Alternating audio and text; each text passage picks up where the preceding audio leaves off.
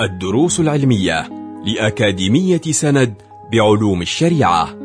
المرحلة الأولى شرح ميسر لمجموعة من المتون المختصرة تفيد المتلقي في دنياه وآخرته. مقرر الإحسان والتزكية شرح منظومة رياضة الصبيان مع الشيخ عمر زعازع. الحمد لله عظيم الإفضال جزيل النوال أكرم من شاء من عباده بعظيم الخصال وجملهم بالصفات الحسنة ارثا لسيدنا محمد مولى بلال. اللهم صل وسلم وبارك وكرم على سيدنا محمد باهي الجمال وعلى آله وصحبه خير صحب وآل. أما بعد. نواصل شرح منظومة رياضة الصبيان حيث وصل بنا الناظم رحمه الله تعالى إلى موضوع مهم وهو مكافأة الصبي إذا صدر منه الفعل الجميل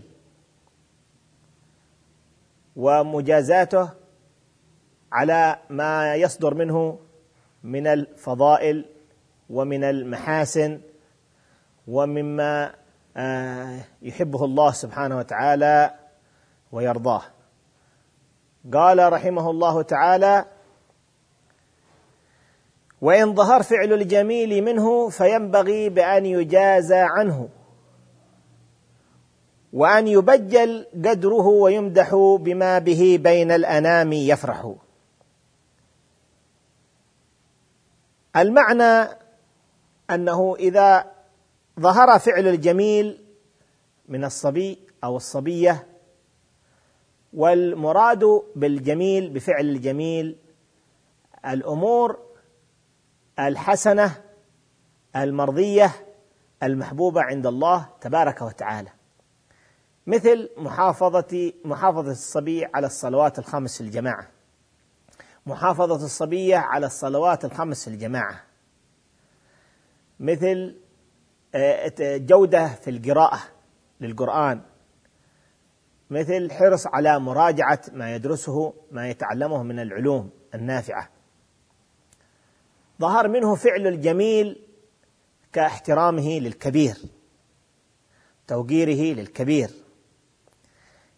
حسن تعامله مع الصاحب والجليس والقرين ومن يعاشره ومن يجالسه ومن يصاحبه.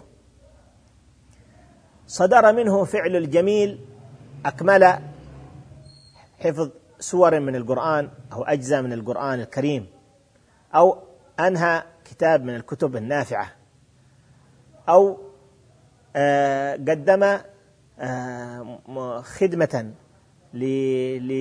لأمه أو لأحد إخوانه أو ساعد ساعد آه، أحد أصحابه أو إخوانه في مراجعة أو مذاكرة للعلم. صدر منه فعل الجميل بأن آه، بأن طلب منه إحضار شيء فوفى آه، بما طلب منه. رأت الأم ابنتها كلما قرب وقت الصلاة رأت منها حرصا واستعدادا وفرحا بأن لأن آه، تحرص معها على صلاة الجماعة. واستمعت الأم من ابنتها إلى شيء من من الأذكار. استمع الأب أو الأستاذ إلى من يعلمه إلى شيء من المحفوظات وأتقنها وأكملها. افعال الج... الأفعال الجميلة كثيرة. إذا بدا وظهر فعل الجميل منه من الصبي أو ظهر من الصبية قال فينبغي بأن يجازى عنه. بأن يجازى عنه. لماذا نجازيه لماذا نجازي الصبي؟ لنشجعه ولنثبت هذا الخلق الجميل فيه. وكان الصالحون آه، يحرصون على هذا الخلق. ونتعلم من هدي النبي صلى الله عليه وعلى آله وصحبه وسلم الأصل في هذه المجازاة وهذه المكافأة. ففي الحديث عنه صلى الله عليه وعلى آله وصحبه وسلم في مسألة من صنع مع أحد معروفا. من صنع معه معروف من من صنع من صنع معه معروف فماذا عليه؟ آه، أرشد النبي صلى الله عليه وسلم إلى دعوة صالحة يدعو بها من فعل معه المعروف ومن صنع له المعروف. بأن يدعو بدعوة صالحة آه، فيقول له جزاك الله خيرا. من صنع له معروفا فليكافئه فليكافئه فليقول له جزاك الله خيرا فمن قال ذلك فقد أبلغ في الثناء أو كما قال النبي صلى الله عليه وعلى آله وصحبه وسلم. وهكذا اقتدى الصالحون بالنبي صلى الله عليه وسلم فكان فكانوا آه، لا لا لا يغفلون عن قول جزاك الله خيرا مع من قدم لهم خيرا ومعروفا. أو يقول لمن يقدم معه المعروف آه، بارك الله فيك. ونستفيد من هذا الاعتدال في الثناء أن يكون الثناء معتدلا متوسطا.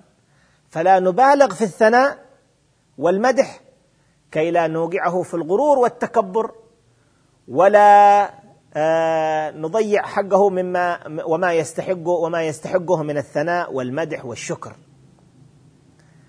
ويكفينا في التشجيع موقف سيدنا عمر بن الخطاب مع ابنه سيدنا عبد الله بن عمر عندما آه، آه، عاد من مجلس النبي صلى الله عليه وعلى آله وصحبه وسلم بعد أن سأل النبي صلى الله عليه وسلم عن الشجرة التي تشبه المؤمن.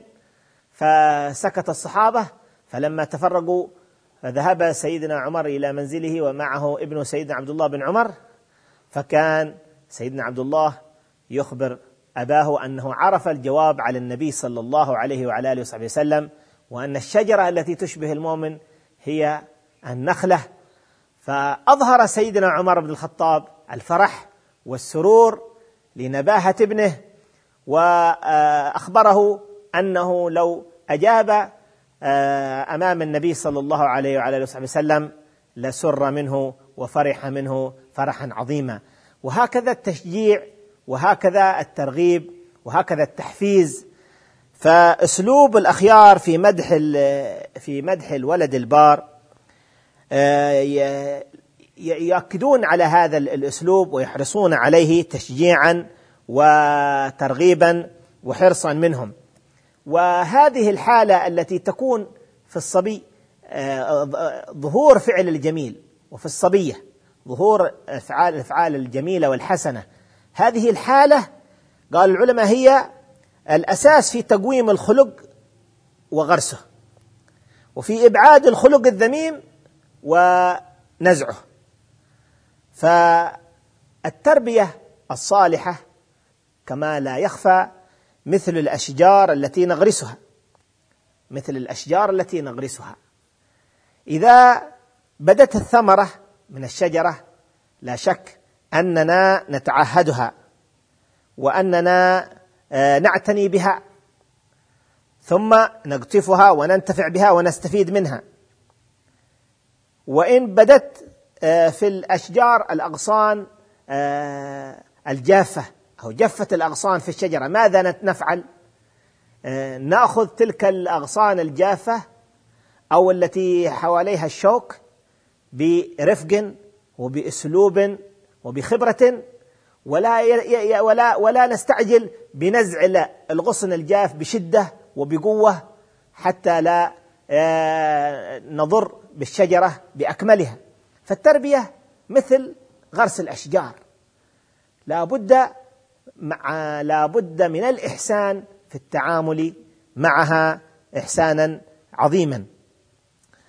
ونتفكر إذا رأينا هذا الخلق الجميل والخلق الحسن ما سببه؟ ما سبب هذا الخلق؟ نبحث عن أسبابه. إن كان أسبابه الحرص على حضور الدروس والحلقات فنشجعه على ذلك. إن كان سببه الحرص على آه، سماع النصائح فنشجعه على ذلك. إن كان سببه الجلوس في المصاحبة للطيبين فنحثه على ذلك كما سيأتي معنا في عند ظهور الخلق الذميم آه، في التأكيد على البحث عن أسبابه قبل آه، حتى يتيسر لنا علاجه ويتيسر لنا إبعاده بعد ذلك. وإن ظهر فعل الجميل منه فينبغي بأن يجازى عنه بأن يجازى عنه. والمجازاة تكون منا آه، قولية وتكون فعلية. فربما أن نهدي له من الكتب التي يدرسها. ربما نهدي له شيء من الأجهزة التي تعينه على التعلم وعلى التعليم. أو نهدي له شيء من الملابس. أو نهدي له شيء من من المطعومات. وما إلى ذلك تشجيعا وتحفيزا له. ثم قال وأن يبجل قدره ويمدح بما به بين الأنام يفرح. وأن يبجل قدره ويبجل قدره ويمدح بما به بين الأنام يفرح. آه، نظهر تبجيله ونظهر إكرامه ونظهر مدحه كما ذكرنا في ميزان المدح المدح المعتدل والمدح المتوسط بما به بين الأنام بما به بين الأنام يفرح. نعم. وتكون المجازاة ويكون الثناء هذا تكون بمقدار ما صدر منه. فأحيانا الذي يصدر منه شيئا عظيما. آه، صدر من هذا الصبي اجتهاد في حفظ القرآن حتى أكمله. فماذا يستحق من من الجوائز مقابل حفظ كلام الله سبحانه وتعالى؟ اجتهد في إتقان ترتيل القرآن حتى جوده. ماذا يستحق وماذا يقابل؟ فكل خصلة تفوق فيها ونبغ فيها فيكون التكريم والمكافأة على قدر العمل الذي قام به على قدر العمل الذي قام به. فإن ذلك يشجعه وإن ذلك يرغبه. وكثير من الناس يفوتون ويضيعون أمر الترغيب وأمر التحفيز وأمر التكريم. فأول آه، ما تنصرف أذهانهم إلى السلبيات وإلى المخالفات وإلى السيئات. آه، ورحم الله آه، بعض الأخيار القائمين في بعض المدارس سئل سئل هل تعاقبون المقصرين؟ فأجاب بسرعة بل نكرم الممتازين. بل نكرم الممتازين. ليس مراده أننا نغفل المقصرين أو نتركهم في تقصيرهم وفي إهمالهم وغفلتهم بل عندنا عندنا أسلوب مع المقصرين ومع المتأخرين ومع المتساهلين ومع السيئين. ولكن أول ما تنصرف أذهاننا إلى الجيدين وإلى الطيبين. قال نكرم الممتازين. فإذا كرمنا الممتازين استحى من يصدر منه التأخر. والتساهل والتقصير فلام نفسه وعاتب نفسه ولحق بالجيدين ولحق بالمثابرين وبالمجتهدين. نسأل الله سبحانه وتعالى أن يوفقنا لغرس هذا الخلق الحسن في أبنائنا وفي بناتنا حتى ننشر المحاسن ونتغاضى عن الهفوات ونقوم آه، ونقوم المخالفات ونحسن الحسن. ونقويه ونوهن الضعيف وننصح أهليه. اللهم يا من وفق أهل الخير للخير وأعانهم عليه. وفقنا للخير وأعنا عليه. ويأتي معنا إن شاء الله الإجابة على سؤال آه، كيف يتصرف الولي إذا صدر القبيح من الصبي؟ كيف يتصرف الولي إذا إذا صدر فعل القبيح من الصبي؟ يأتي معنا إن شاء الله هذا الموضوع المهم في درسنا القادم. وصلى الله على البشير النذير سيدنا محمد وآله وصحبه وسلم والحمد لله رب العالمين. كنتم مع الدروس العلمية لأكاديمية سند بعلوم الشريعة.